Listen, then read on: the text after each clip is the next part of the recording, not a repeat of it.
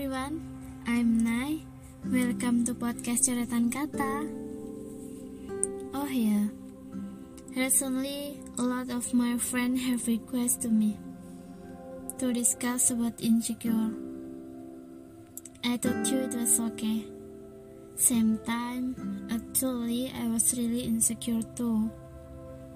From academic issue, I often feel that I can do anything compared to all my friends. Especially when I meet my organization friend, they discuss about anything I didn't understand. Because it's too high case, I feel so insecure. Sometimes when I have a friendship group, or we can say our best, then most of my friends were very beautiful Sometimes I feel, am I ugly enough? I ever feel in the lowest point. I lost all my confidence. Even I don't have the courage to see my face at the mirror. But when I see my face at the mirror, sometimes I think, why my face like this? There's an acne or other thing that make me more insecure. Or sometimes I feel like, why I have a big cheek? Why I have a fat body? And other bad question on my mind.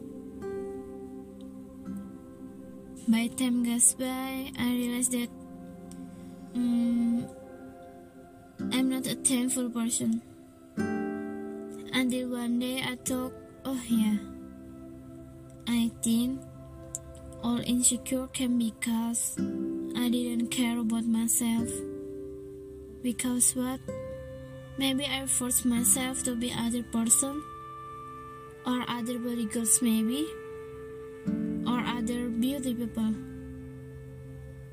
Until I didn't realize that it was actually me was meant to be. For me you and all of us who are insecure. Please Never compare our process with other people's process.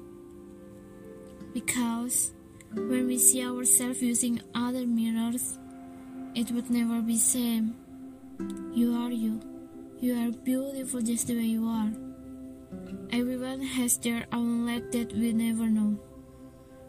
Talk they are the insecurity how we shape ourselves. Hey, hear me from no Try to don't compare yourself with other even you realize or not when you do it. Even without you compare yourself with others, all people around you love yourself just the way you are. So, when others love yourself, why you don't do the same thing? The point is we have to accept ourselves first, then love yourself first. The K, if yourself can accept you, how about others?